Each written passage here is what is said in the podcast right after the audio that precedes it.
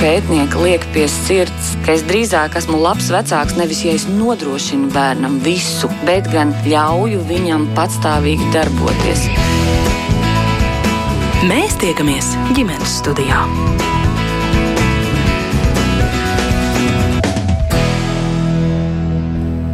Labdien, ģimenes studija sāk savu skanējumu. Jūs sveicina rādījuma producenta Ilza Zvaigzne. Mans vārds ir Agnese Linka. Latvijā ir uzsākts kāds jauns projekts, tā nosaukums atbalstīta ceļā, un tā ietvaros tiek veidots vecāku savstarpējā atbalsta grupas bērniem ar autiskā spektra traucējumiem, labiekārtot arī vide un apmācīt speciālisti, kas strādā ar šiem bērniem un jauniešiem, kā arī plānots vairākas citas iekļaujošas aktivitātes. Kāpēc tas ir svarīgi, kam noderīgi un kādas vajadzības jau ir tikušas apmierināts, bet kādas vēl jāpiepilda. Par to runāsim šodien ģimenes studijā. Un šeit kopā ar mums šodien ir Latvijas autisma apvienības vadītāja Līga Bērziņa. Labdien! Labdien! Un arī mamma Irmgarde Košļeva. Labdien! Pieteikšu jūs tā. Sarunas gaitā mums pievienosies vēl vairāki runātāji un arī klausītāji. Jūs kā vienmēr varat šai diskusijai pievienoties, ja rodas kas sakāms. Mēs gaidām jūsu pieredzi, komentārus, varbūt kādus jautājumus. Ja tāda rodas, droši rakstiet ģimenes studijā no Latvijas radio mājaslapas. Līga, protams, kā vērsīšos vispirms pie tevis ar eh, jautājumu par to atbalstīt ceļā. Kas tas vispār eh, ir un eh, kāpēc kaut kas tāds tika iecerēts un iesākts un tiek darīts? Jā, šī ir brīnišķīga iespēja Latvijai, jo šajā gadījumā mēs neradām neko jaunu. Tas, kas taps šī gada laikā, ir mēs adaptējam Somijas valdības modeli. Jo Somijā ir tā, ka tajā brīdī, tad, kad uh, vecāks saņem bērnam diagnozi, vienalga vai tas būtu autiskā spektra traucējuma, Dauna sindroms vai cerebrālā trieka vai jebkāda cita speciālā vajadzība, viņi ne tikai automātiski saņem dažādu atbalstu no valsts un pašvaldības, bet viņiem tiek dota iespēja iesaistīties tādā nevalstiskā organizācija aktivitātē, kur vecākiem tiek parādīta atbalsta grupa Un, eh, kas, un šīs atbalsta grupas funkcija ir palīdzēt vecākam šajā jaunajā ceļā, kurš, protams, un gandrīz vienmēr uh, paveras vaļā absolūti negaidīti. Un eh, tā filozofija ir ļoti līdzīga tāpatās kā Latvijā, jo arī Somijā ir vairākas lielās pilsētas, kas ir Tampere, kas ir, kas ir Helsinki, kur koncentrējas ļoti daudz speciālisti, kur koncentrējas ļoti daudz šie pakalpojumu sniedzēji, bet eh, jo tālāk mēs braucam uz visām pusēm, eh, jo, jo mazāk arī šie eh, pakalpojumu sniedzēji un atbalsts arī ir. Un otrā šī doma, kāpēc tieši šīs vecāku grupas, ir tas, ka pētījumi rāda, un arī, protams, mūsu kā autisma apvienības dzīves pieredze rāda, ka šajā brīdī, kad vecāki ir krīzē, tajā brīdī, tad, kad viņi saskaras ar nezināmo, it īpaši speciālajās vajadzībās, tieši šī līdzinieku citu vecāku sniegtā informācija ir viņiem šķiet daudz ticamāka nekā jebkura speciālista spriedums. Un līdz ar to gan Somijā, gan arī Latvijā It īpaši ņemot vērā, mums tikko bija brīnišķīgs Rebaltika sižets par karmas latviešiem, kur mēs arī redzam, ka mūsu nācija ir orientēta uz brīnumiem. Tad šis projekts ir patiešām par spēcīgu vecāku izglītošanu jau pašā sākumā, un pēc tam visa ceļa garumā, no mm. diagnozes saņemšanas līdz neatkarīgai dzīvei. Mm. Par vecāku interesi un līdzcilvēku pieredzi mēs ļoti labi varam vērot arī, piemēram, sociālo tīklu platformās, kur notiek ļoti aktīva dalīšanās šajās viedokļu grupās, domu biedru grupās ar pieredzi apmaiņu. Tad tas ir kaut kas līdzīgs, ko jūs gribat nedaudz tādā kvalitatīvākā veidā izdarīt. Jā, jo Somijā un arī Latvijā tas uh, sāksies ar to, ka mēs uh, esam izvēlējušies jau pirmo vecāku grupu, kas jau pašlaik arī nesautīgi dalās un nesautīgi atbalsta citus vecākus arī tajos pašos sociālajos tīklos un arī biedrībā Latvijas autisma apvienība. Un, gan Somijā, gan Latvijā viņi tiks izglītoti. Viņi tiek sagatavoti un sagatavoti ne tikai par autismu, bet sagatavoti arī par grupu dinamiku, arī par konfliktiem, jo mēs zinām, ka konflikti ir neizbēgami eh, jebkurā grupā un, eh, un eh, arī sagatavoti tieši atbalstīt krīzē, atbalstīt dažādās krīzes situācijās un, un protams, it īpaši tajās tēmās, kas šim konkrētajam vecākam, kurš būs šis līdzinieks, atbalstītājs, šajā konkrētajā brīdī ir tāds visaktuālākais, vissāpīgākais un arī, nu, kas ir tas viņa tāds tas lielais, nu, patreiz tas pieredzes guvums. Mm -hmm. Bet eh, projekts eh, atbalstīt ceļā sastāv no četrām daļām. Jā. Ja nekļūdos, kādas ir tās pārējās? Vecāku savstarpēji atbalsta grupas ir viena no tām. Es pareizi saprotu. Jā, tā tad vecāku atbalsta grupa ir. Uh, pati svarīgākā, jo tāpēc, šīs atbalsta grupas tā filozofija ir tāda, ka Viņas notiek visā Latvijā, un šīm atbalsta grupas no darbs ir brīvprātīgs, protams, bet, bet toties šiem atbalsta grupas dalībniekiem būs iespēja piesaistīt jebkādus speciālistus par viņa tēmām un arī pieprasīt sagatavot no to informāciju, kas šajā konkrētajā brīdī tajā grupā ir svarīga. Vai tas ir par veselību, vai tas ir par sociālo atbalstu, vai tas ir par izglītību, vai neatkarīgas dzīves ceļu, vai arī, arī tiesībām. Un, un tā, tā ir šī pati svarīgākā, jo tā filozofija arī Somijā tas ir milzīga privilēģija būt šim brīvprātīgajam. Un tad, tad, kad šīs astoņas brīvprātīgo grupas būs noslēgušās, tad no šiem astoņiem vecākiem parasti ir kāds, kurš ir gatavs turpināt un atkal aicināt pulcēt ap sevi nākamos vecākus. Un, un, un līdz ar to šādas aktivitātes un šāda kustība jau daudzus gadus Somijā ir daudzās speciālā vajadzība jomās. Mm. Tā, tā ir pirmā atbalsta grupu veids, tā ir vissvarīgākā. Un, un uz to mēs liekam vislielākās cerības tieši, tieši tāda arī no stip, vecāku stiprināšanai ārpus Rīgas. Otrās atbalsta grupas ir specializētās atbalsta grupas. Tās ir atbalsta grupas, kuras vada speciālisti. Un mums jau pašlaik ir zināmas ļoti daudz tēmas, ar ko ik viens vecāks saskarās. Tas ir piemēram Latvijā ļoti daudzi bērni ar speciālajām vajadzībām cieši no vardarbības skolās, arī speciālajās skolās. Ļoti daudz bērni tiek palūgti aiziet no izglītības iestādēm, un ne tikai no vispār izglītojošām, bet arī no speciālajām skolām kas ir pilnīgi neiedomājami tajā pašā Somijā, ko viņi vispār nesaprot. Kā tas ir iespējams, vai ir tie paši jautājumi par pubertāti, meiteņu lietas, ja puišu lietas, tā pati, kā sagatavot jaunojušus neatkarīgai dzīvei, tas pats epilepsijas jautājums vai tas pats autisms un UDHS. Tā kā ļoti daudz tēmas, kas nav saistītas tik ļoti ar tādu komunas veidošanu rajonos ārpus Rīgas vai Rīgā, bet vairāk tas ir saistīts ar, ar tiešām ar kādu konkrētu posmu, caur ko konkrētajā brīdī virzās šie vecāki. Tālāk, trešā ir mana mīļākā no, grupa.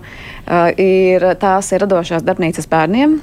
Un, Mēs mainām filozofiju. Šajās darbnīcās piedalās bērni ar autiskā spektra traucējumiem un ar invaliditāti, bet uh, mēs veidojam radošo telpu. Un, uh, Tas nav tā kā, kad lūk, šī terapija, un te ir bērns slims ar autismu, viņam jānāk ir 11, un mēs viņu ārstēsim. Mēs esam radījuši tādu fantastisku vidi, kur bērni nāk no orientējoši tad, kad viņi vēlas, paliek tik, cik viņi vēlas, un, un viņiem ir iespēja draudzēties, viņiem ir iespēja veidot komiksus, veidot animācijas, zīmēt, vai vienkārši draudzēties, vai uh, gulēt uz grīdas, ja viņiem tajā konkrētajā brīdī tā, tā gribās.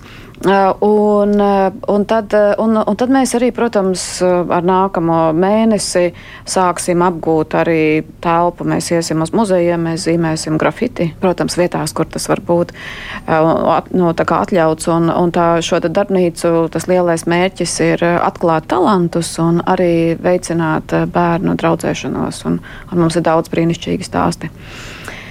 Un, trešā, un ceturtā grupa ir Viņu sauc par pieredzes ekspertiem, un tie ir mēs veicināsim un visādi atbalstīsim arī personu ar autiskā spektra traucējumiem.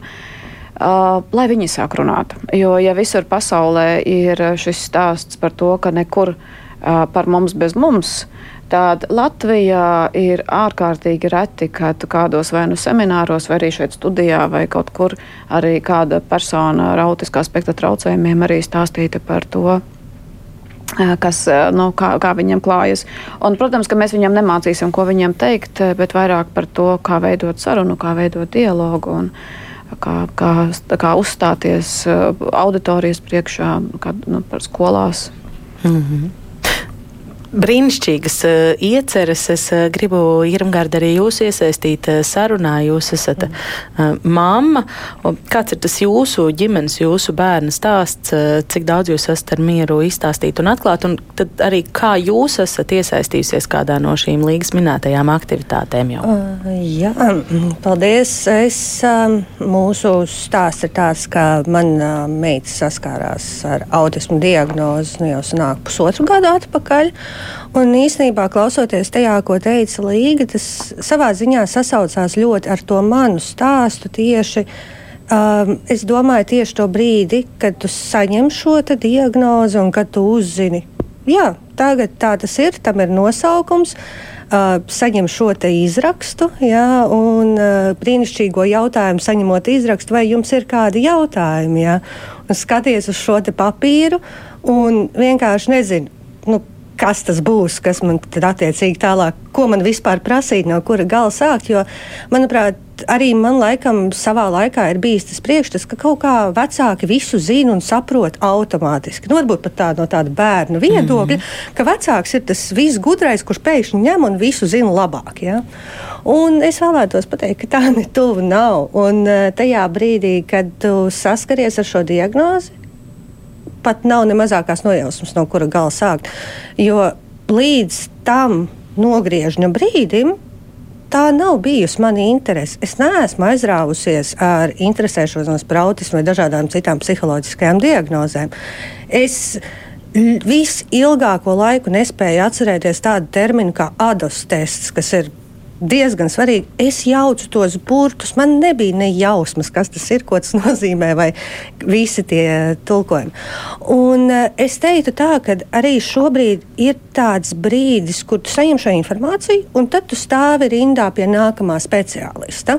Un ir tā sajūta, ka obligāti vajag sākt kaut ko darīt. Ir šī informācija, ir šī ziņa, es zinu, nosaukumu, un man vajag maksimāli ātri kaut ko izdomāt. Man vajag kursus no visu. Bet jāstāv rindā. Bet ir jāstāv rindā. Un mm. tad lasi internetu, un tad tu saproti, ka tu neko nesaproti, jo tā ir pilnīgi jauna sfēra, ar ko tu nekad tieši agrāk neesi nodarbojies. Un pēkšņi nezinu, sāk prasīt jau kā ekspertam, jo nu, skaidrs, ka vecāks savā ziņā ir sava bērna eksperts, bet tai pašā laikā ne šādā netipiskā situācijā un prasa, kā rīkoties, ko darīt, kādus rīkus labāk izmantot. Nav ne valodas. Es varu raksturot situāciju. Ir grūti, ir slikti, ir skaļi, ja, bet es nemāku vēl pat nosaukt to, kas īsti notiek. Un šajā sakarā tieši, man, kāpēc man tas viss arī ieinteresē, un es arī plānoju iesaistīties šajās grupās, ir tieši tas aspekts, ka ir kāds, kas uzķer tajā brīdī. Jo tajā pirmajā reizē, kad tev kāds uzdod jautājumu, vai tev ir kādi jautājumi, nav. Man bija pilnīgi tukšs blends uz to lapu, kurā ir kaut kādi raksti, kaut kādas rekomendācijas, un es sapratu, ka es pat nezinu, ko pajautāt, jo es pat nezinu, no kura gala tam sākt ķerties klāt. Un pēc tam jau runājot, varbūt tiešām lasot fórumus, lasot informāciju internetā, uztrenējot savu sociālo tīklu algoritmu, lai viņi man sāktu dot uh, šo te man interesējušo informāciju, man sāk parādīties tie jautājumi. Un ir, manuprāt, lieliski tā arī fiziskā sajūta, ka tu satiec tos citus vecākus sejā. Tu ieraugi citus cilvēkus, kuriem tāda pieredze jau ir, un uh, vienkārši uh, spēj to procesēt savā, savā veidā, jo tam visam ir vajadzīgas zināšanas. Tas ir tas, kas ir arī lieliski, arī līgas pieminētajās tajās ekspertu grupās, ir nepieciešamas zināšanas, ir nepieciešama valoda, kura palīdz paskaidrot citam speciālistam, kur var palīdzēt bērnu dārzā paskaidrot. Nevis to, ka mans bērns neies iekšā šajā telpā, viņai nepatiks, viņa bļaus, viņa ies prom. Bet mācīt pateikt, manam bērnam, piemēram, ir sensorā jūtība pret gaismu. Vai mēs varētu uz šo brīdi, kamēr viņi ieies šajā telpā, piemēram, samazināt gaismas līmeni, vai varbūt, pieņemsim, ārsts vai speciālists varētu iznākt, iepazīties nevis nu, pie viņas un ar viņu kopā ieiet mm. iekšā. Kas ir jau vērtīgi ierosinājumi, kas var palīdzēt sadarboties gan speciālistiem, gan tiešām veidot šo komandas darbu. Mm. Tad eh, jūs uzrunājāt iespēju piedalīties eh, kādā no šīm eh, grupām, Jā. uz kuru formātu jūs tēmējat? Uz vecāku atbalsta grupām tas, manuprāt, ir kaut kas supervērtīgs. Man tiešām šķiet, ka tā komunas sajūta. Uh, komunas sajūta un arī iespēja piesaistīt konkrētus dažādus speciālistus, sagatavot kaut kādas konkrētas tēmas. Jo pieņemsim, es varu izlasīt lielu apjomu rakstu un informāciju, bet bieži vien man vienkārši vajag satikt to cilvēku, kurš man pāris vārdos apstāstīs, un kuram es varu uzdot konkrētus jautājumus tieši par tām lietām, kuras es nesaprotu. Un tāds man ir bijuši daudz, un to var atrisināt bieži vien 5-10 minūšu sarunā. Saprast, kā man to labāk pielāgot manai dzīvei, nevis iegūt šo milzīgo teorētisko bāzi tam visam. Hmm. Cik, cik vecs jūs bērniņš šobrīd ir jaunākais? Seši, seši gadi. Jā. Un jūs sakāt arī, ka nesen salīdzinoši pirms pusotra gada jūs esat tikuši pie šīs diagnozes. Uh, jā, jā būtībā ir jāņem vērā, ka tikšana pie diagnozes jau ir ilgs process. Respektīvi, ja aizdomas parādījās trīs gadu vecumā, nedrīkst aizmirst, ka starp aizdomām un diagnozi ir būtībā gads vismaz. Mm. Un, nu, ar visām rindām un ar kārtējiem speciālistiem mums pašiem tas aizņēma vairāk vairāk nekā gadu, kamēr mēs no tā brīža, kad piemēram, no bērnu dārza parādījās informācija, klau. Varbūt ir vērts ieskatīties šajā jautājumā līdz tam brīdim, kad jau mums bija šis papīrs uz rokām. Un līdz tam brīdim arī par manu meitu individuāli runājot, ne visas uh, pazīmes, kā viņa uzvedās, ir klasiskas Jā, jo, pieņemsim, arī manā pieredzē un manā galvā bērns ar autismu ir tas, kurš kārto, pieņemsim, smuki mašīnītes rindā. Nu, es tiešām neesmu specifiski izglītot mm. šajā jomā un nekad neesmu bijusi. Un manā gadījumā tas likās, nu, nē, nu, to viņi nedara. Viņi ir maziņš viesulis, jā, viņi ir superaktīvi, viņi ir superenerģiski, viņi visu kaut kur grib iet, darīties, piedalīties. Vai vēl kaut kādas pazīmes. Un pirms tam pirms ir pat skaidrs kaut kāds rāmis, kurā sākt skatīties, arī tāds, nu, labi, bet varbūt tas vispār nav. Kā vecāki sadomājās, mm. ja iegūlē savus simptomus un divus klikšķus attālumā no sāpošas savus ir vēzis. Ja? Nu, tas, tas ir diezgan loģiski. Tāpēc tur es arī centos sevi apvaldīt, bet jā, būtībā, kad ir šis te rāmis un šī ideja, kā, kā tālāk jau skatīties, tad arī sākās tas lielais darbs. Mm. Līga, vai ir kaut kas, ko tev gribētos um, Īramgardas teiktajā pasvītrot? Jā, tas ir tieši par šo vecāku tikšanos ar speciālistiem, jo tā ir arī šī starptautiskā pieredze un arī filozofija par to, ka uh, nereti daudz efektīvāk ir nevis organizēt stundu garu tikšanos ar vienu vecāku, bet tas, ka speciālists atbrauc uz stundu, un, piemēram, tiekās ar 20 vai ar 10 vai ar 15 vecākiem un izrunā šos visus jautājumus, un pēc tam atstāja šo enerģiju griežoties, un pēc tam vecāki to jautājumu risina tālāk, meklē paši materiālus, strukturē tālāk, un tas ir daudz lētāk un efektīvāk arī valstī.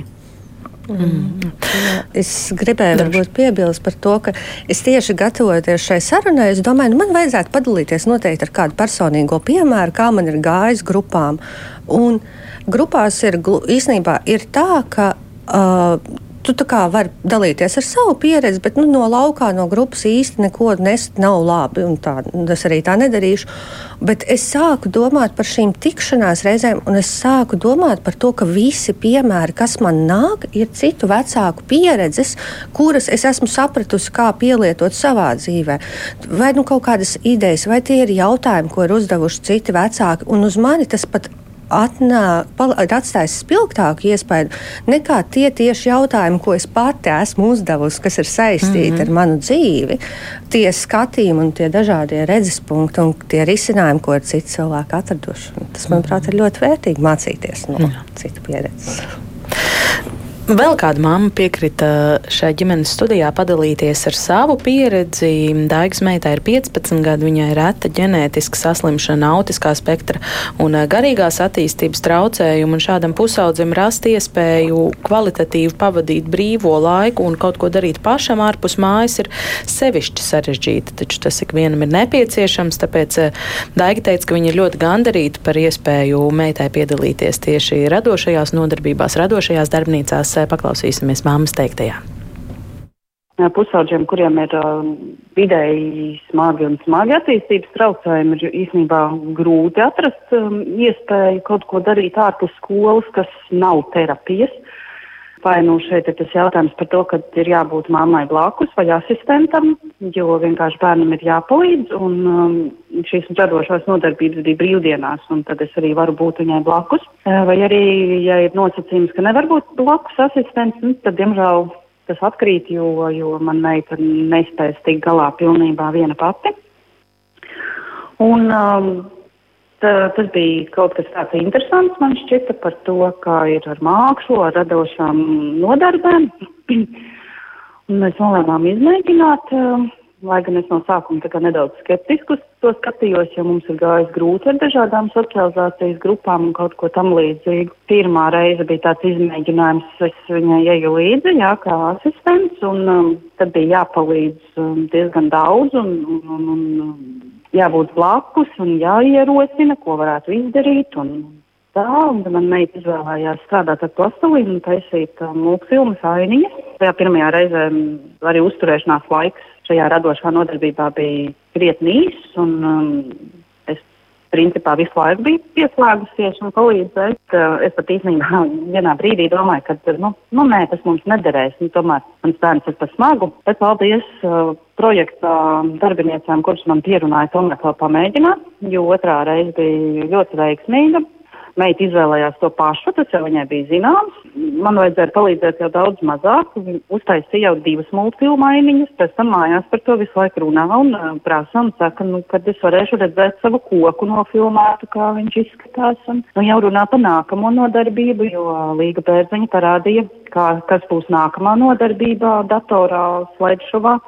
Un tad viņi visu laiku runā par to, ko viņa darīs nākamā nodarbībā, un kā brauksim, un kad un kur tas būs, un kas būs jāņem līdzi. Tā kā tas man tāds patīkams um, pārsteigums pašai, cik ļoti man bērnam tas viss ir patīk. Jā, varbūt jūs varat arī paraksturot. Jūs minējāt, ka ir tā līdzinējā pieredze ar socializāciju, ar socializācijas grupām bijusi nepārāk veiksmīga.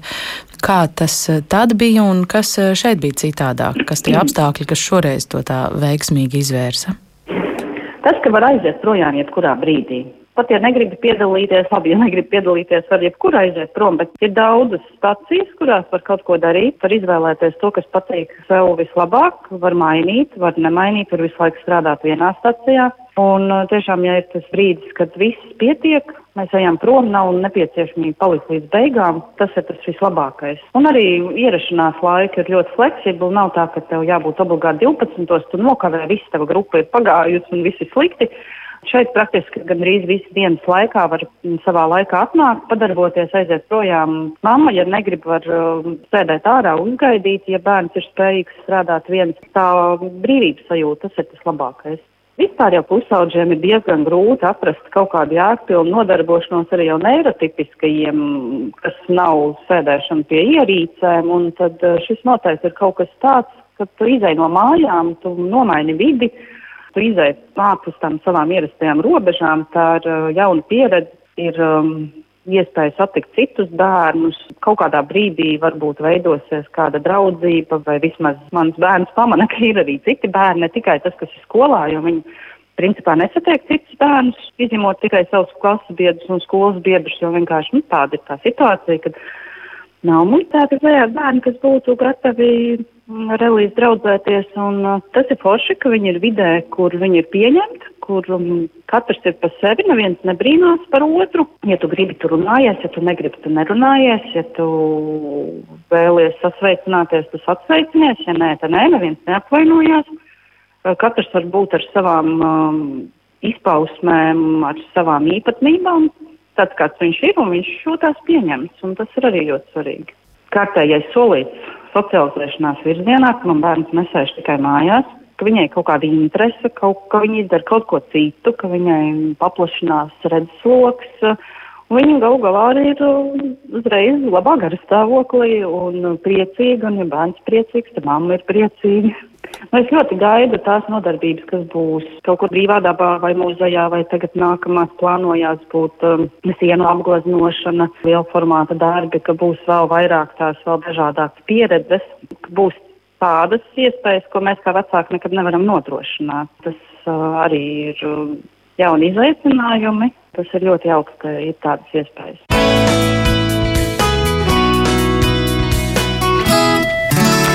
Tālāk, mamma Daiga Līta teica par tavu mīļāko sadaļu, par uh, meitas dalību radošajās darbnīcās. Vai ir kaut kas, ko vēl gribētos piebilst viņas teiktajiem? Jā, es uh, vēlējos uh, piebilst tieši par to laiku, uzturēšanās laiku, jo mums. Uh, Mums pēc pirmās darbnīcas zvanīja arī viens pedagogs un prasīja, kā jūs vispār sadarbojāties ar to konkrēto bērnu, jo viņi zvanīja pēc, pēc mammas atļaujas, jo izrādās, ka tas bērns skaitās, ka viņš vispār ir neapmācāms. Pie mums viņš sēdēja, viņš zīmēja un viņš pavadīja no divas stundas vismaz. Un mēs neviens tiešām nepamanījām, ka viņš ir neapmācāms. Un tieši šī brīvā vide, tas, ko arī Daiga minēja, ka bērni nāk iekšā, kad vēlas, kad uh, iet prom, kad vēlas, ka tur nav šī struktūra, patiesībā nodrošina to, ka mums uh, vidēji katrs bērns uzturas no trim līdz četrām stundām. Un tā ir milzīga slodze mums, kā šiem speciālistiem, jo mums reizēm ir 11 bērni šajās visās stacijās vienlaikus. Bet uh, tā brīnišķīgā lieta tiešām ir tā, ka jau pēc trešās darbnīcas mēs redzam, ka viņi sāk draudzēties. Mums jau ir nodalīti galdi ar animācijas fanu stūrīti un, uh, un tieši šī nevis animā, ar anime stūrīti. Jā. Jā, un tad tur meitenes sarunājas, viņām ir sava tēma, un tad mēs jau skatāmies, kad ah, viņi paskatās viens otram acīs, un tad mēs redzam, ka ir šīs animācijas darbnīcas, kur bērni darbojas ar plastelīnu. Un, nu, jau viens bērns taisa tādus pašus burtiņus kā otrs bērns, un tad viens saka, hei, iedod man oranžo flomāsteru, eh, un tad otrs padod. Un, un paralēli šīm te eh, aktivitātēm, šīm struktūrētajām nodarbībām, eh, mēs arī veicinām šo draudzēšanos, kas ļoti bieži nav iespējama skolā. Viena iemesla dēļ ir tas, ka parasti arī vispār izglītojošās skolās bērni vienā klasē tiek samesti pēc nejaušības principa. Un citiem palēmējas atrast draugus un pat atrast draugus uz mūžu. Bet citreiz arī neirotipiski cilvēki jūtas bezgalīgi vientuļi. Un, tas, ko mēs mēģinām darīt, ir tiešām ļoti, ļoti, ļoti rūpīgi uztaustīt šīs te, e, speciālās intereses un šīs superspējas un talantus. Un, un, un viņi atrodas, un, un viņi atrodas fantastiski, un vecākiem ir atklājumi, mums ir atklājumi, pašiem bērniem ir atklājumi. Un, jā, un tas arī liek arī tādiem bērniem, kas vecākiem šķita, ka viņi tur ir antisociāli, uh, priecāties un, un nākt uz, uz darbnīcām. Un, Un, un citreiz ir tā, ka tur ir daudz bērnu, 11 bērni. Tas ir ļoti daudz, 11 bērni telpā. Uh, un, un, bet viņiem ir iespēja strādāt arī tādās mazās, uh, mazos kabinetiņos vieniem pašiem klusumā. Un tā ir tik interesanti, ka tas bērns ienāk iekšā ar savu darbiņu. Un tad viņam ir jāizvēlās, vai viņš ies klusumā, vai viņš paliks tur tajā radošajā haosā. Un, un tad lielākā daļa paliek starp draugiem, kā viņi saka, es palikšu pie draugiem. Mm. Un tad nākamā lieta, jā, tas, ko arī Daiga minēja, mums nākamās divas darbnīcas būs grafiti, zīmēšana.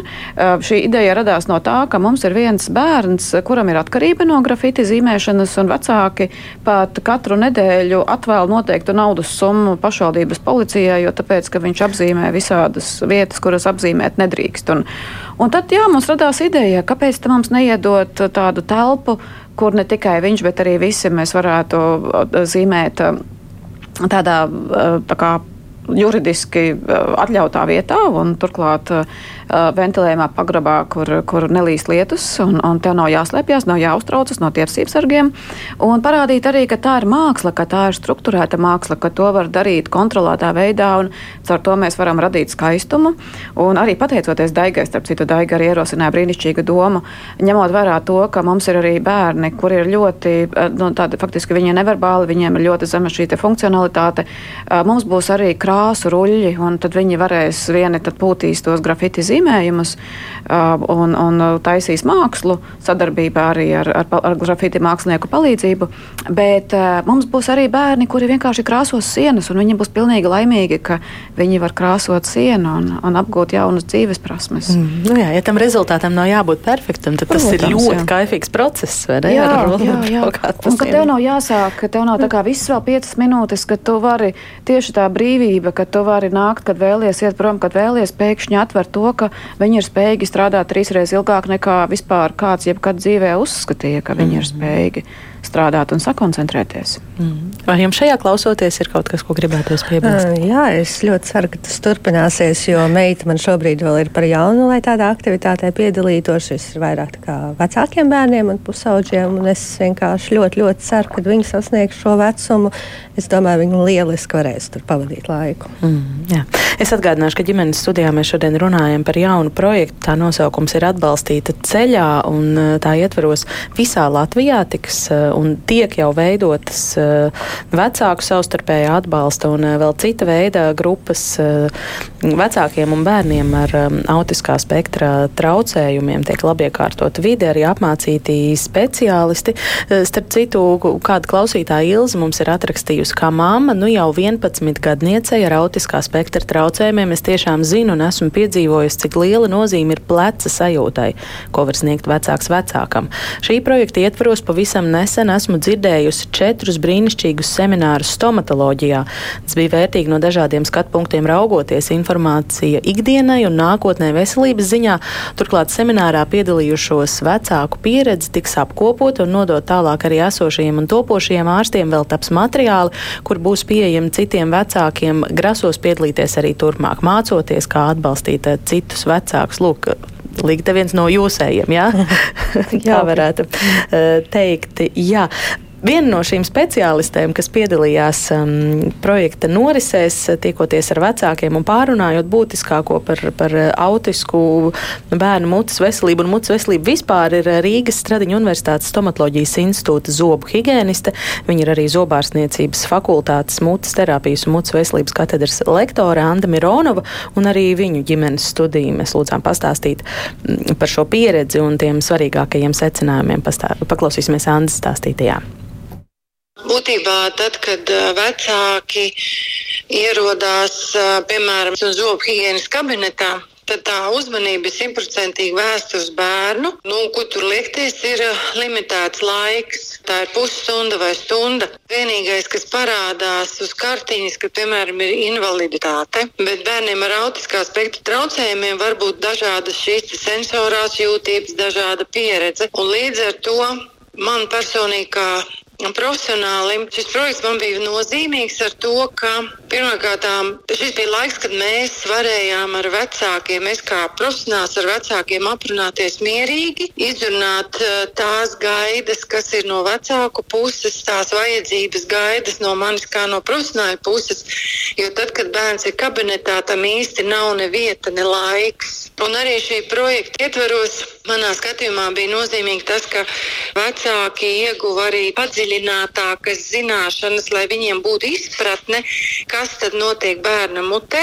Jo nav noslēpums, ka bērniem ar autiskā spektra traucējumiem tieši saistībā ar šīm dažādām paaugstinātām jūtībām ir grūtības to zobus iztīrīt.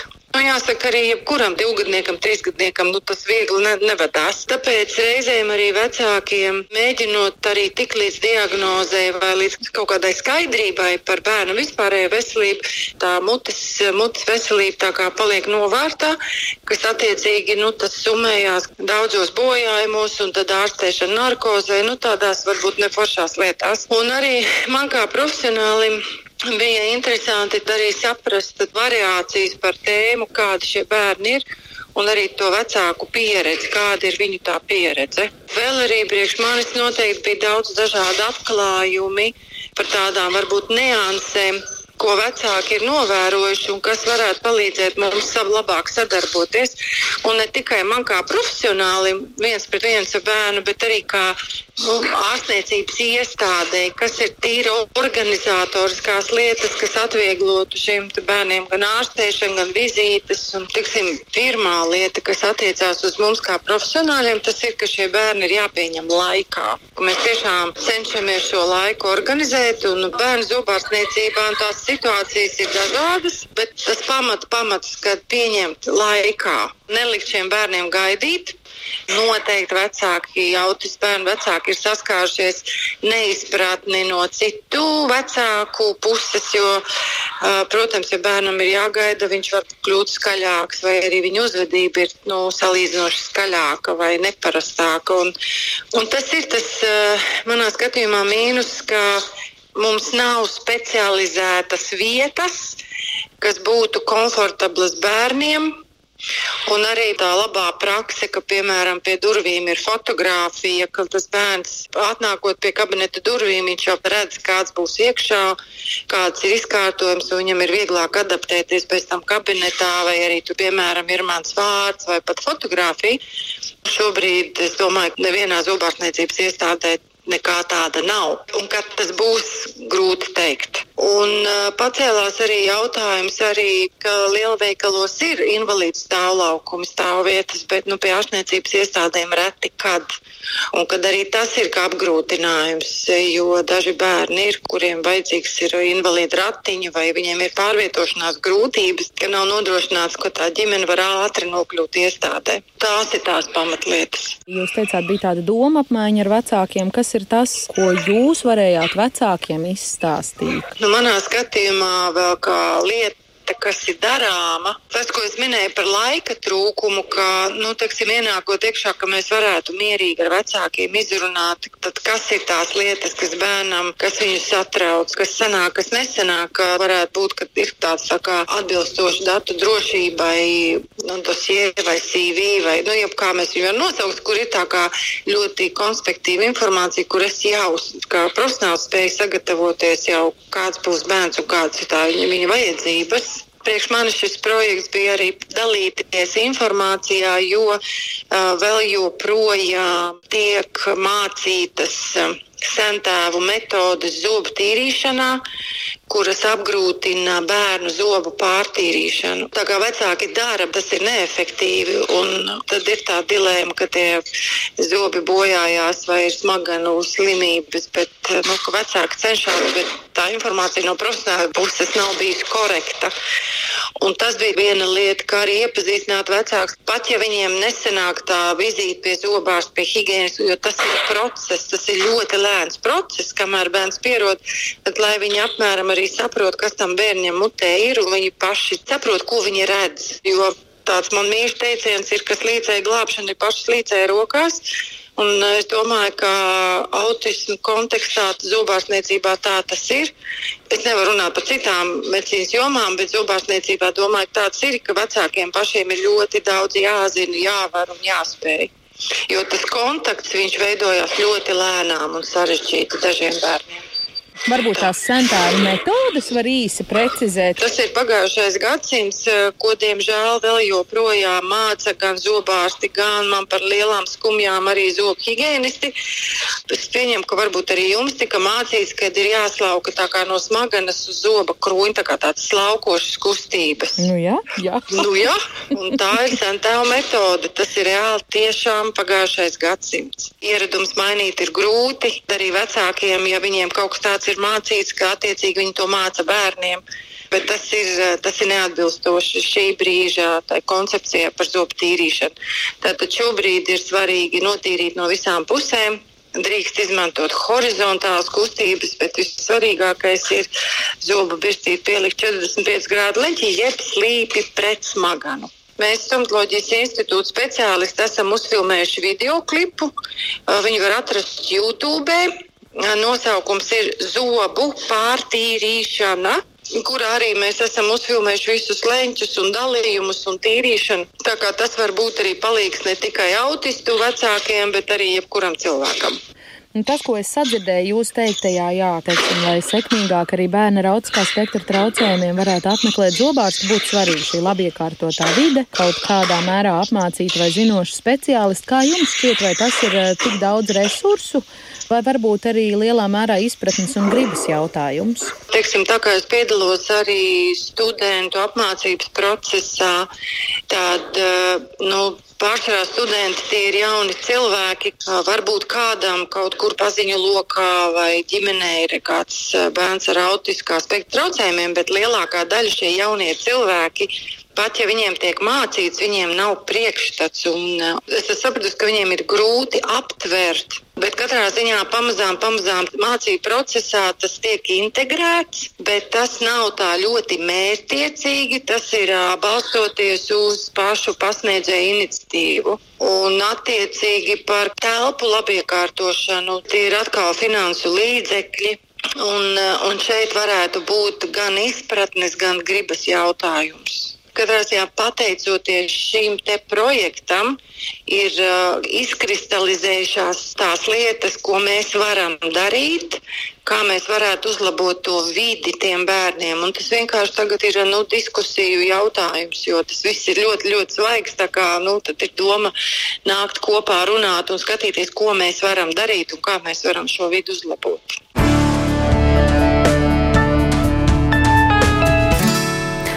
Tālūk, Rīgas Stradiņa Universitātes stomatoloģijas institūta zobu higieniste, arī lektore Anda Mironova, vai ir kaut kas, ko gribētos vēl par viņas teikto komentēt? Uh, jā, manā gadījumā pirmām kārtām es arī piedalījos viņas šajās lekcijās. Bija ļoti interesanti. Un, uh, divas lietas, kas man uzreiz nāca prātā, ir tiešām komentēt viņas teikto, cik vērtīgi ir tas, ka ir iespēja parunāties ar speciālistu. Jo, pieņemsim, tādā vizītē, ejot pie ārsta, es to redzu kā tādu augsta stresa šķēršļu jostu. Mm. Es iešu pirmajā, tur, ok, kur nolikt mašīnu, reģistrācija skatīties, kā visu laiku sekot līdzi, kā jūtas mans bērns, lai darītu visu, kas ir manos spēkos, tajā situācijā, lai fokusēti no, eh, aiziet ar bērnu uz šo mm. iestādi, panākt maksimālo sadarbību, ja, kas ir piemēram, mūsu gadījumā grūtības. Un es esmu kā, tik milzīgā fokusā uz bērnu un uz bērna pieredzi, ka tajā brīdī, kad man speciālists uzdod jautājumu, jebkādu, es esmu. Tā, kas es esmu, ko es šeit daru, un ko jūs, kādi jautājumi, es nezinu, ja, jo man visa uzmanība ir tur. Un, pieņemsim, šī iespēja izrunāt jautājumus un dzirdēt šo ārstu fokusēt un tiešām iedziļināties tajā, ko ārsts saka, tas ir supervērtīgi. Tieši vienam pašam vecākam tas ir viens. Un otrs, ko es arī ļoti domāju par to, uh, ka viņi teica par šo vides pielāgošanu.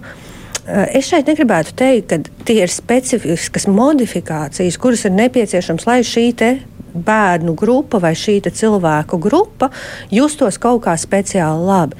Visi šie ierosinājumi īstenībā ir tādi, kas padarītu šo vietu vēl daudzreiz, daudzreiz foršāku jebkuram bērnam.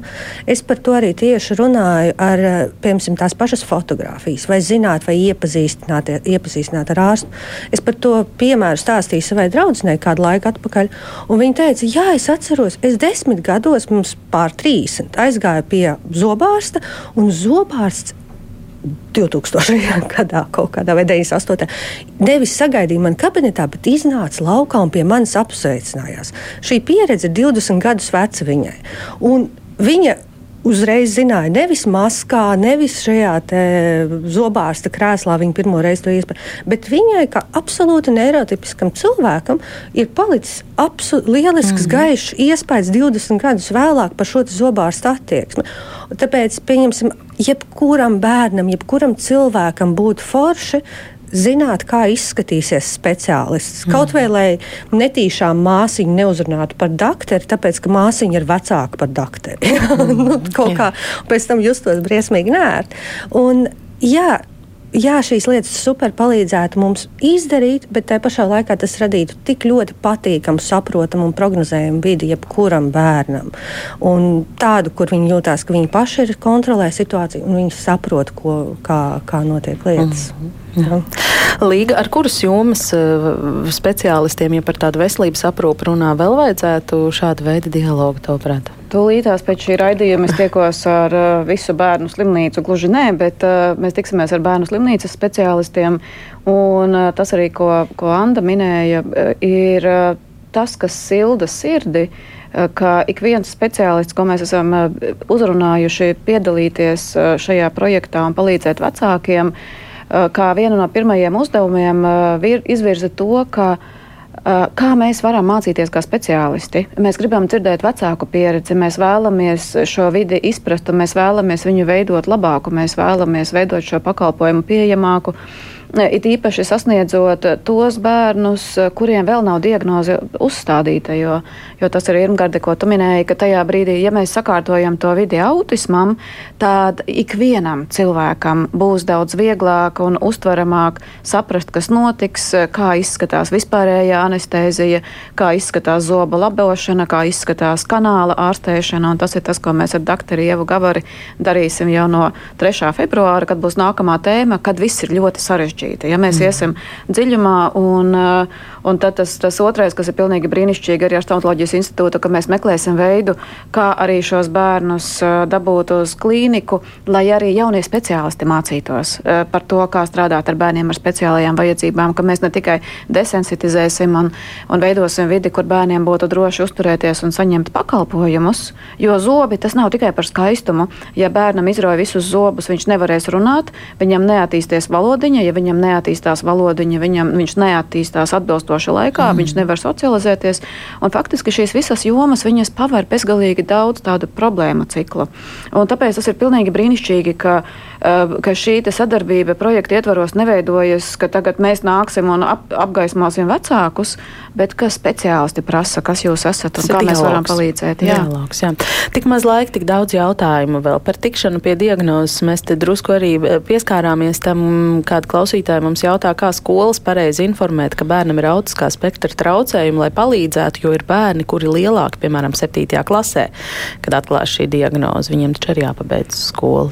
Jā, mums eh, arī tūlīt eh, sāksies nākamnedēļ tieši par eh, ja skolā viss ir sarežģīti, atbalsta grupas, uh, un, uh, un mēs sāksim ar speciālajām izglītības iestādēm, un pēc tam mēs veidosim arī atbalsta grupas uh, bērniem, faktiski bērnu vecākiem, kura bērni mācās vispār izglītojošā skolā.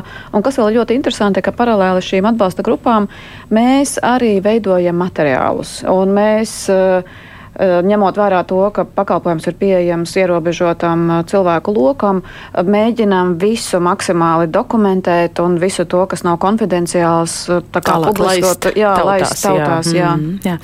Tas nozīmē, ka atbildu šīs klausītājas jautājumu būtībā īsā versija ir autisms LV. Jā, mm -hmm. atbalstīt ceļā. Jā. Cik daudz autismu bērnu ir Latvijā? O, tas Arī ir ļoti sarežģīts jautājums. Mums nav daudz bērni, tā kā faktiski ir uzskaitīti vairāk par diviem tūkstošiem, bet tas ir stipri par mazu, un tas nenozīmē, ka Latvija ir superveselīga valsts, bet vienkārši tas ir tāpēc, ka mums ir ārkārtīgi bēdīgi ar diagnostiku. Mm -hmm. Tas tāds eh, arī īsā atbilde, bet eh, tad šī projekta ietvaros, cik plaši jums izdodas aptvert tos, kuriem būtu vajadzīga tāda palīdzība, atbalsts šīs dažādās grupas? Atbal, eh, atbalstu var saņemt vecāki, kuriem ir bērniem diagnoze, ir diagnoze un invaliditāte. Tas nozīmē, ka visi, piemēram, ja tie 2000, kuriem ir tā diagnoze, pieteiksies, viņi tiks tajās grupās? Viņi, nē, nu, faktiski 300, diemžēl. Nu, protams, mēs ņemsim visus, mēs visādi tur mēģinam domāt, birokrātija ir birokrātija, bet mēs uh, smaidam un mēs mēģinam parādīt, mēs, mēs tiešām mēģinam darīt labāko iespējamo, kas ir mūsu spēkos, lai palīdzētu tik vienam. Jā. Jo, ja, piemēram, Somijā uh, tev pilnīgi pietiek ar to, ka tev ir aizdomas par autismu, lai tu varētu saņemt jau pirmos pakalpojumus, viņiem ir anonīmās atbalsta grupas, ja tu negribi un neesi gatavs vēl vecākiem dalīties ar diagnozi. Un, un mums ir ļoti, ļoti, ļoti tālu līdz tam, kā tas viss notiek Somijā, bet mēs ļoti cenšamies un mēs neesam zaudējuši arī cerību sarunās ar e, birokrātijas institūcijām. Bet, Bet neiet viegli, Nē, var noprast. Ļoti, tas tā būtu atsevišķs raidījums, ļoti skumjš raidījums, un tie, kas ir īstenojuši īstenojuši projektus, viņi zina, par ko es runāju. Bet, eh, bet, bet mēs tiešām visu laiku paturam prātā vecākus, ka tas viss ir vajadzīgs vecākiem, un, un, un mēs mēģinam tiešām darīt visu iespējamo, lai tie cilvēki, kas eh, strādā pie šī projekta, neizdegtu, bet tas nav viegli. Jā. Un te droši vien arī mēs esam jau snieguši atbildi Normunda iesūtītiem jautājumam. Viņš raksta, ka superprojekts, vai tas ir tikai bērniem ar noteiktām vajadzībām, vai arī varētu jebkurš ieinteresēts iesaistīties, piemēram, grafitī un citās izpausmēs. Jā, atbildes, cik labs jautājums, Normunda. Tas ir pirmais, ko mēs ļoti gribam, līdzīgi tāpatās kā Somijā, tā kā mēs šo projektu būsim nopaļojuši 31. oktobrī, mēs vēlamies, lai viņi pārņemtu tiešām arī, arī citas speciālā vajadzība biedrības, un tas tā kā Somijā Somijā arī aizietu.